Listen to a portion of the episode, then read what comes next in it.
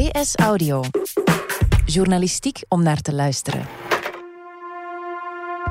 Een stille ramp, dat is wat er zich de afgelopen weken voltrok in verschillende woonzorgcentra in Vlaanderen. Terwijl alle ogen gericht waren op ziekenhuizen, vielen de meeste slachtoffers op locaties die daar totaal niet op voorzien waren. Veerle Beel en Ruud Goossens maakten een reconstructie van waar het misliep. Het is donderdag 11 juni. Mijn naam is Lise Bonduel en van op afstand is dit DS Audio.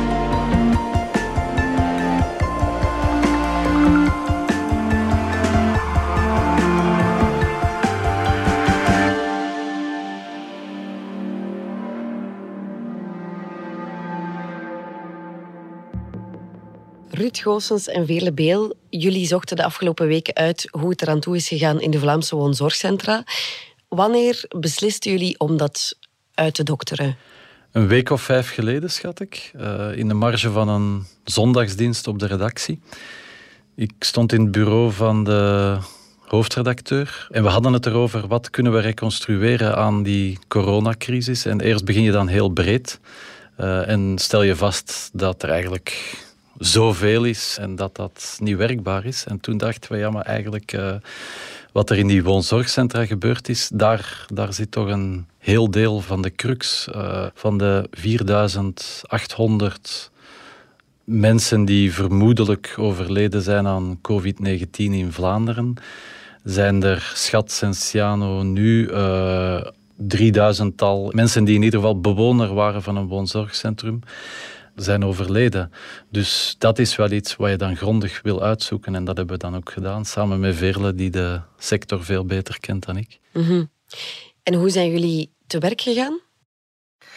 We hebben heel veel mensen gesproken, veertigtal uh, betrokkenen, zowel de grote spelers, ministers, ambtenaren en zo verder. We hebben dat een deel samen gedaan en deels ook apart, want we hebben ook heel veel woonzorgcentra gecontacteerd. we zijn gaan kijken, we hebben met directeurs, met artsen, met personeel gesproken. En Ruud, jij hebt ook heel veel documenten uitgevlooid. Ja, er zijn er ook heel veel. Dat is een van de ergernissen op het terrein, dat het agentschap Zorg en Gezondheid, dat, dat verantwoordelijk is voor de Vlaamse woonzorgcentra, constant richtlijnen heeft rondgestuurd van zo moet je dit aanpakken, uh, dit moet je doen met bezoekers, dit moet het personeel doen, zo moet je mondmasker dragen, zo moet je testen. En die documenten zijn, die hebben allemaal doorpluist. En ook het gevolg van voortschrijdend inzicht natuurlijk. Absoluut, absoluut. Maar het wekte wel veel ergernis in de ja, woonzorgcentra. Over. Mensen die mm -hmm. een hele lange dag achter de rug hadden, moesten dan nog gaan studeren op wat allemaal nodig was. Dat heeft zeker voor ergernis gezorgd. Um, en dat hebben, hebben we dan allemaal in een lange tijdslijn gegoten, zoals je dat dan doet bij een reconstructie. Die was op de, op de duur meer dan twintig pagina's lang om te zien wat is er elke dag gebeurd. En, uh, en dat was dan de basis om een verhaal op te schrijven. Mm -hmm. En wat vielen jullie vooral op? Ik denk dat er drie cruciale dingen uh, naar boven komen. Ten eerste heeft men de crisis onderschat. Dat is iets wat je niet alleen in de woonzorgcentra ziet. Dat zie je ruimer, dat zie je ook niet alleen in België. Dat zie je eigenlijk op, op heel veel plekken. Ten tweede heeft er uh, schaarste gespeeld aan, aan mondmaskers aan testen. En dat is iets waardoor men eigenlijk constant achter de feiten is aangehold. En dan heb je een, uh, wat we een institutionele wirwar noemen, waardoor het heel moeilijk wordt om die achterstand in te lopen. Er ontstaan discussies tussen verschillende niveaus, tussen verschillende werkgroepen. En daardoor uh, blijft men eigenlijk heel lang achter de feiten aanhollen. En dat is ja, in, in de sector van de woonzorgcentra, die sowieso heel kwetsbaar is, waar 85.000 ouderen zitten die, die een steeds zwaarder zorgprofiel hebben. En aangezien COVID-19 vooral oudere mensen zwaar treft, uh, heeft dat heel hard toegeslagen. Kunnen we het samenvatten ook als, uh, ja, we zijn eigenlijk heel veel kostbare tijd verloren? Ik denk het wel. Ik, eigenlijk zie je van in, van in het begin, nog voor de woonzorgcentra in lockdown gaan, trekt de sector zelf aan de alarmbel en zegt hij, wij hebben geen mondmaskers. De topman van het agentschap Zorg en Gezondheid, Dirk de Wolf, noemt dat het begin van zijn eerste nachtmerrie Omdat ze dan ook vaststellen, ja, we kunnen niet op de federale noodstok een beroep doen. Dat laat de federale regering heel snel weten. Die is op, die is vernietigd tussen 2015 en 2018. Een beslissing van uh, Magie de Blok. Uh, en dan begint men andere wegen te zoeken om mondmaskers te vinden. Eerst sluit men zich aan bij een bestelling van de federale regering, van, bij de firma Mossa, die valt in het water. Dan beslist men, we gaan het zelf doen. En ook dat wordt echt een, een thriller. Men verwacht die mondmaskerlevering ergens rond de 20 maart op een vrijdag. Dat wordt zaterdag. En dan stopt de nachtrust eigenlijk van Wouter Beke, de Vlaamse minister van Welzijn en Dirk de Wolf, de man van het agentschap omdat zij weten dat een aantal woonzorgcentra nog twee of drie dagen toekomt. Dus die nacht van zondag op maandag blijven zij wakker tot om 6 uur 22. Dat hebben wij niet uitgezocht, dat wisten ze zelf nog. Uh, omdat dat het begin van, hun, van een heel kleine oplichting in die lange periode was. Omdat dan landt die vlucht in Bierse. Uh, met 4,5 miljoen mondmaskers. Maar dat heeft natuurlijk wel gespeeld en dat is blijven spelen. Er waren er te weinig, men kreeg dat niet opgelost. En dat zijpelt ook door in de richtlijnen van het agentschap. Ja, want ze hebben heel lang gezegd uh, dat je beter in het woonzorgcentrum geen mondmasker gebruikte. Het personeel moest het niet aandoen als ze niet rechtstreeks in contact kwamen met een zieke patiënt. En dat is, is, eigenlijk een deel van het probleem geweest. Hè. Mhm, Zo is het mhm. virus vrij kunnen verder verspreid geraken. Ja, voor men in, in lockdown gaat, zegt men vermijd verspilling. Dat duurt eigenlijk tot 28 april, zes weken later, voordat er een, richtlijn komt van uh, iedereen, ook het onderhoudspersoneel, dus de mensen die niet direct de bewoners verzorgen, die moeten een, een mondmasker dragen. En, en, ja, dat heeft toch wel gevolgen mhm. gehad. We hebben zo Dominique Roodhoofd geïnterviewd. Van, uh, zij is CEO van Zorgzaam. Dat is een groep met 15 woonzorgcentra. Zij zegt, ja, wij, wij hadden wel een zekere voorraad. En, en als het agentschap en de overheid steeds blijven zeggen, niet doen, uh, er zal schaarste zijn, ja, dat is eigenlijk een groot probleem geweest. Want als we ze wel hadden gebruikt, hadden we grote uitbraken kunnen vermijden. Dus door die richtlijn zijn er meer besmettingen geweest in het begin in sommige woonzorgcentra, niet overal natuurlijk. En als er meer besmettingen zijn, vallen er ook meer doden. Ja. ja. Ja, want hoe komt het eigenlijk dat er van in het begin al te weinig mondmaskers waren? Ja, ik denk dat dat uh, de allereerste plek waar dat je dan naar kijkt, is naar die federale noodstok. Dat was in 2006 was er een groot pandemieplan gemaakt voor de griep. Daar heeft men toen gezegd, uh, je moet dat opbouwen. In 2009 is dat door het bioethisch comité nog eens bekeken. En men zei, ja, dat is het probleem, daar zijn er eigenlijk te weinig. Dan is men dat beginnen opbouwen. Zat dat in een hangaar van Defensie, als ik mij niet vergis. En heeft men uiteindelijk beslist, uh, we gaan dat vernietigen zonder in een vervanging te voorzien. Wouter Beke zegt, ja, daar hadden de koepels en de werkgevers zelf toch wel hun voorzieningen moeten treffen. Hij wijst ook naar de federale regering. Je kan je natuurlijk ook afvragen of Vlaanderen, dat sinds 2014 bevoegd is voor die woonzorgcentra, niet zelf aan een, aan een noodstok had, had moeten beginnen werken vanaf dat moment. Um, ik denk in ieder geval dat ze dat in de toekomst wel zullen doen. Het idee is natuurlijk dat een, een woonzorgcentrum, daar dacht men niet in de eerste plaats misschien aan een, een, zware medische problematiek. Want normaal gezien als mensen ziek zijn, gaan ze naar het ziekenhuis. En hier is er uh, zoiets ontstaan van, ja, de bewoners blijven dan in het woonzorgcentrum. Daar waren grote uitbraken. Maar alle medische zorg en, en medische beschermmiddelen werden naar de ziekenhuizen gestuurd mhm. vanaf het begin. Ja, dat was misschien het probleem. en Eigenlijk zeggen ook gewoon zorgcentra nu, directeurs en directrices, we willen niet dat wij tot een kleine hospitalen worden uh, gebombardeerd, ook niet in de toekomst. Wij willen gewoon zorgcentra blijven. Dat is een spanning die daarop zit. Ja. Waren er daarnaast, en, en naast het gebrek aan mondmaskers, was dat het enige probleem? Nee, dat was niet het enige probleem. Ik denk dat ze tal van beschermende materialen die ja, schorten, handschoenen, gezichtsmaskers, uh, zo van die plastic maskers. Alles, alles was eigenlijk tekort. Schorten um, werden hergebruikt. He. We, we hebben in het begin ook zo'n foto in de krant gehad die een huisarts gemaakt had in een woonzorgcentrum. Herbruikbare schorten werden aan een kapstopje gehangen met de naam en die moesten ze de hele week hergebruiken. De, ja. de wegwerpschorten bedoel ik. Ja. Ja, de directrice van het woonzorgcentrum in Kraaienum vertelde mij dat ze op een bepaald moment zelfs wegwerpschorten zijn beginnen wassen, omdat ze er anders geen hadden. Ja, dan merk je wel dat men op de limiet en over de limiet aan het gaan is. Uh. Ja, en ondertussen zaten wij eigenlijk allemaal naar, ja, naar die ziekenhuizen te kijken. Absoluut. In het begin van de crisis keek iedereen naar Italië. En wij, wij deden dat op de krant. En we zagen daar mhm. de beelden van gangen in de ziekenhuizen waar men patiënten aan het triëren was. Dat was een soort horrorbeeld van dat moesten we vermijden. Maar beleidsmakers waren op dezelfde manier naar de crisis aan het kijken en hadden iets heel begrijpelijk van dat, dat willen we vermijden. Dat, dat, dat is het horrorscenario dat niet mag plaatsvinden. En daardoor kwamen die ziekenhuizen, die sowieso al meer managementcapaciteit hebben, die, die kwamen overal op de prioriteitenlijstjes bovenaan.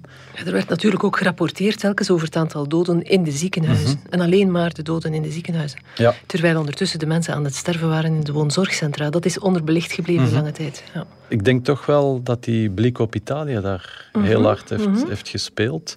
En natuurlijk ook omdat, ay, voor alle duidelijkheid, uh, wat de ziekenhuizen gedaan hebben is uh, indrukwekkend. En was ook, niemand zou zeggen, ja, je had beter uh, alle hulp op de woonzorgcentra toegespitst. Maar ik denk wel dat je kan zeggen dat die focus misschien net iets te eenzijdig was en dat men iets te laat zich bewust is geworden van het feit dat er daar ook een heel groot probleem aan het ontstaan was. Er was ook een probleem met de testen natuurlijk. De teststrategie zei dat je getest mocht worden als je naar een ziekenhuis gebracht werd. Uh, en in een woonzorgcentrum, volgens het agentschap geloof ik, als ik het goed heb, mocht alleen personeel met koorts getest worden. Bewoners mochten op zeker moment nog niet getest worden. Langzaam is dat dan begonnen met één à twee bewoners testen. En dan moest je ervan uitgaan dat de hele afdeling besmet was. Ja, en zo kreeg je mhm. dus nooit uh, harde cijfers, zwart op wit. Ja, en daar, daar, dat vertrekt weer van het feit dat men te weinig test had, schaarste. Mhm. En daardoor zit je achter de feiten aan te hollen. Op een bepaald moment, helemaal in het begin van de crisis, beslist de Risk Management Groep, dat is het orgaan dat in crisistijden de volksgezondheid moet beschermen stelt dat vast en ziet uh, er is te weinig testcapaciteit. Dus we gaan de criteria van wie getest kan worden enorm streng maken. Alleen mensen met ernstige symptomen die zich in het ziekenhuis mhm. aanmelden en ziekenzorgverleners. Op het moment, zoals Veerle beschrijft, dat die woonzorgcentra met uitbraken kampen, willen die natuurlijk kunnen testen wie van onze bewoners heeft het. Want wat je dan doet, als je met een uitbraak zit, dan deel je je centrum op. Mhm. Dan, Niet zo eenvoudig natuurlijk eh, in een woonzorgcentrum. Want iedereen heeft zijn eigen kamertje met zijn eigen spullen. Absoluut, heel ingrijpend. Maar dat was de strategie. Dan scheid je de mhm. gezonde bewoners van de COVID-19 besmetten. Maar als je geen test hebt, is dat natuurlijk bijna onmogelijk. Want dan kan je alleen op symptomen afgaan. En symptomen zijn soms heel bedrieglijk is ook gebleken. Ja, dan zet je ook mensen die geen COVID hebben samen met mensen die wel besmet zijn. En besmet je meer mensen. Ja, en, en, en, dan zie je, Philippe de Bakker is dan bezig federaal met die testcapaciteit uit te breiden. En zegt, ik kan beginnen testen in woonzorgcentra. En Wouter Beke steunt hem daarin. Trouwens, een van de weinige punten waarop die twee heren het eens waren tijdens de crisis. Maar dan zegt de Risk Management Groep vanuit een andere overweging. Ja, maar hebben we wel genoeg tests? Die gaat op de rem staan. Uiteindelijk heeft de politiek dan echt doorgeduwd en gezegd: we gaan dat nu toch doen. We hebben dat beslist. Maar dat duurt en dat duurt. En zo gaan er dagen verloren waarop het virus eigenlijk rondwaart in mhm. die woonzorgcentra. Er waren woonzorgcentra die al, uh, een, ja, die al veel besmettingen hadden, die een echte uitbraak hadden. Die horen in het nieuws op maandag of dinsdag van er wordt algemeen getest. Moeten wachten tot vrijdagavond laat voor de tests toekomen. Kunnen die dan in het weekend doen? Ja, tegen dat ze het resultaat hebben, zijn we anderhalve week weer verder. De mhm. directeur zegt het was wachten, wachten, wachten. Elke keer opnieuw. bij elke hulp die er kwam of niet kwam. Mhm. En op hetzelfde moment heb je een aantal adviesorganen die vanuit de beste bedoelingen richtlijnen beginnen op te stellen van ja, stel dat er te weinig capaciteit is in de ziekenhuizen. Hoe gaan we daarmee om? Dat zijn vaak heel genuanceerde mhm. teksten. En ik, ik, denk dat zeggen veel mensen hè, op mhm. het, in die woonzorgcentra, maar ook mensen die, die de crisis uh, vanuit het beleid hebben gevolgd. Die zeggen, ja, er is zowel een indruk ontstaan, een perceptie van ja, je moet al heel zeker zijn voor je nog een bewoner doorstuurt van een woonzorgcentrum naar een ziekenhuis. Ik sprak in die directrice van Krainem, die ik net al vermeldde, mhm. die zei heel concreet op 27 en 28 maart kwamen hier ambulanciers binnen, die keken de kamer in en die zeiden dat is covid, uh, die nemen we niet mee. Ja, op het moment dat je aan het verzuipen bent en dat meer dan de helft van je rusthuis besmet is, mm er mensen sterven, ja, dat, dat zijn wel mokerslagen die binnenkomen. Mhm.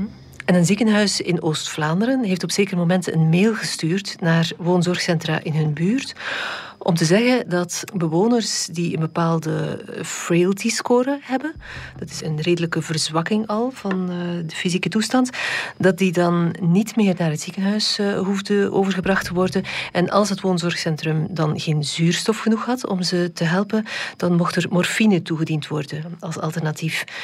Ja, uh, die woonzorgcentra, uh, dat heeft er bij hen stevig ingehakt. Die vonden dat uh, geen goede behandeling.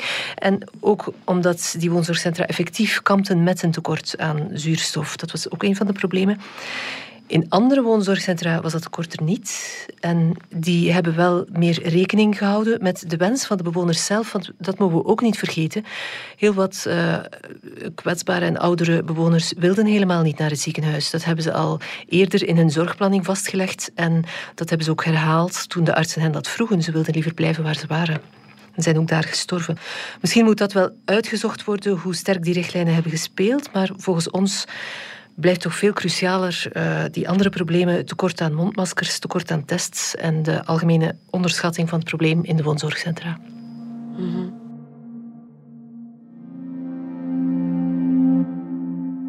Zijn er eigenlijk aanwijsbare schuldigen in deze crisis? Degene die het ongetwijfeld het meest onder vuur heeft gelegen is uh, Wouter Beke. Ja, ik denk dat je wel kan zeggen dat die crisis bewezen heeft dat crisismanagement niet zijn uh, sterkste kant is. Of dat dat niet iets is wat dat hem op het lijf geschreven is. Anderzijds denk ik dat het ook uh, te simpel is om te zeggen, ja, had hij sneller in actie geschoten, had hij sneller urgentie gecreëerd, had hij sneller op tafel geklopt, dan, dan was dit allemaal niet gebeurd. Hij speelde ook met kaarten die hij zelf niet uitgedeeld had. Je had de beslissing van Maggie de Blok om die mondmaskersvoorraad te vernietigen. Uh, de testcapaciteit, ja, dat is ook moeilijk, omdat uh, dat was ook zo een van die tekorten waar hij moest mee zien om te gaan. Je had te weinig aandacht voor uh, handhygiëne. Hoe ga je om met een mondmasker? Dat zijn dingen die, die dat je niet alleen aan een minister die zes maanden op die stoel zit kan aanwrijven. Dus het gaat toch wel veel breder, collectiever dan, dan die ene figuur. Mhm. En blijven er nog vragen over? Zijn er dingen waar nog onduidelijkheid over is? Ja, absoluut. Ehm, we weten bijvoorbeeld op dit moment niet zo goed uh, hoeveel woonzorgcentra een echt grote uitbraak hebben gekend. Daar zijn telkens momentopnames van. Uh, op die dag zoveel. Uh, nu bijvoorbeeld, de laatste berichten zijn dat er nog in twee woonzorgcentra een grote uitbraak bezig is. Meer dan 30% besmette bewoners. In een honderdtal hebben ze er nu minder dan 10%. Die hebben dat, de uitbraak dus min of meer onder controle. Maar dat is telkens een, een dagopname of een weekopname. Het hele plaatje kennen we niet. Zoals we ook niet weten ja, hoeveel zijn er covid vrijgebleven, hoeveel hebben er een zware uitbraak. Uh, is het vooral in commerciële woonzorgcentra of niet? Uh, volgens de eerste analyses valt daar niet zo'n lijn in te trekken? Nee, ehm, dat is, dat, is, dat is wel een hele een vraag die veel mensen interesseert. De manier waarop zo'n woonzorgcentrum gerund wordt, leert hij ons iets over, uh, over de resistentie tegen zo'n mhm. uitbraak. Ik denk dat dat heel grondig uh, moet bekeken worden en daarvoor ontbreken op dit moment, althans bij ons, uh, de gegevens die daarvoor nodig zijn. Er is zeker een regionaal aspect dat gespeeld heeft. Limburg, de streek rond Brussel, uh, ja. daar zie je veel uitbraken. En dat komt omdat corona daar in het algemeen breder verspreid was. Als je, als je een personeelslid had dat gaan skiën was bijvoorbeeld ook, uh, had je gewoon dikke pech. Uh, ja. Het is vaak afhankelijk toeval. van toeval of het binnenkwam of niet. Wat er dan verder gebeurde, dat is uh, ja. iets anders. Daar voel je dat nog, nog veel studiewerk nodig is. En dat zal niet noodzakelijk allemaal beschikbaar zijn als er, stel dat er een tweede golf komt dat wordt uh, heel belangrijk om te zien hoe dat men daarmee omgaat. Ik zou hopen dat iemand bezig is met die analyse te maken, want die cijfers hebben ze toch binnengekregen. Mm -hmm. ja, Absoluut. Dat ze toch iets meenemen of iets leren uit heel de situatie die we nu net hebben gehad. Dat zal onvermijdelijk zijn. Ja. Daarvoor is de, de crisis veel te groot geweest. Er zijn 3000 mensen overleden. Natuurlijk was het een kwetsbare groep waar dat mm -hmm. veel mensen geen tien jaar meer te gaan hadden om het, mm -hmm. om het cru te zeggen. Maar er is daar wel iets gebeurd dat uh, heel dringend grondiger moet uitgezocht worden. En daar zal het parlement een deel van het werk moeten doen. Daar zullen wij een deel van het werk moeten doen. Daar zal die sector zelf ook mm -hmm. onderzoek over doen. Je ziet ook dat men, men houdt echt wel zijn hart vast voor een tweede uitbraak. Die mm -hmm. mensen hebben keihard gewerkt, laat dat mm -hmm. ook duidelijk zijn. Die hebben ontzettend ingrijpende week gehad. En er is ook veel psychologische schade. Die mhm. directeur vertelde mij dat hij op een dag drie lijkwagens zijn centrum zag uitrijden. Je hebt die artsen die ja, afschuwelijke beslissingen hebben moeten nemen. Er zijn artsen die het hele woonzorgcentrum hebben moeten uh, coördineren en alle zorg hebben, op zich hebben genomen. En die zich nu afvragen, ja, hebben we dat wel goed gedaan? Uh, die kampen met schuldgevoelens, ook al hebben ze keihard gewerkt en wilden ze echt de beste zorg geven. En als je dan... Uh, een tweede golf over je heen krijgt, dan... Ja, vandaar ook de schrik nu voor de bezoekregeling. Hè. Dus er was al bezoek uh, mogelijk heel beperkt in de woonzorgcentra, maar sinds gisteren is dat nu verruimd. Uh, gelukkig mogen woonzorgcentra nog zelf beslissen. Maar natuurlijk, de bewoners willen wel heel graag naar buiten. Die, die verlangen ernaar om eens uh, een dagje naar de familie te gaan, om bezoek te krijgen. Um, maar de schrik zit er natuurlijk in bij de directies. Wat halen we binnen? En wat als een bewoner onderweg weer besmet is? En ja, het is nog reëel, het virus is niet verdwenen. Dus, ja. Mm -hmm. Ruud Goossens en Vele Beel, bedankt. Graag gedaan. Graag gedaan. Dit was DS Audio.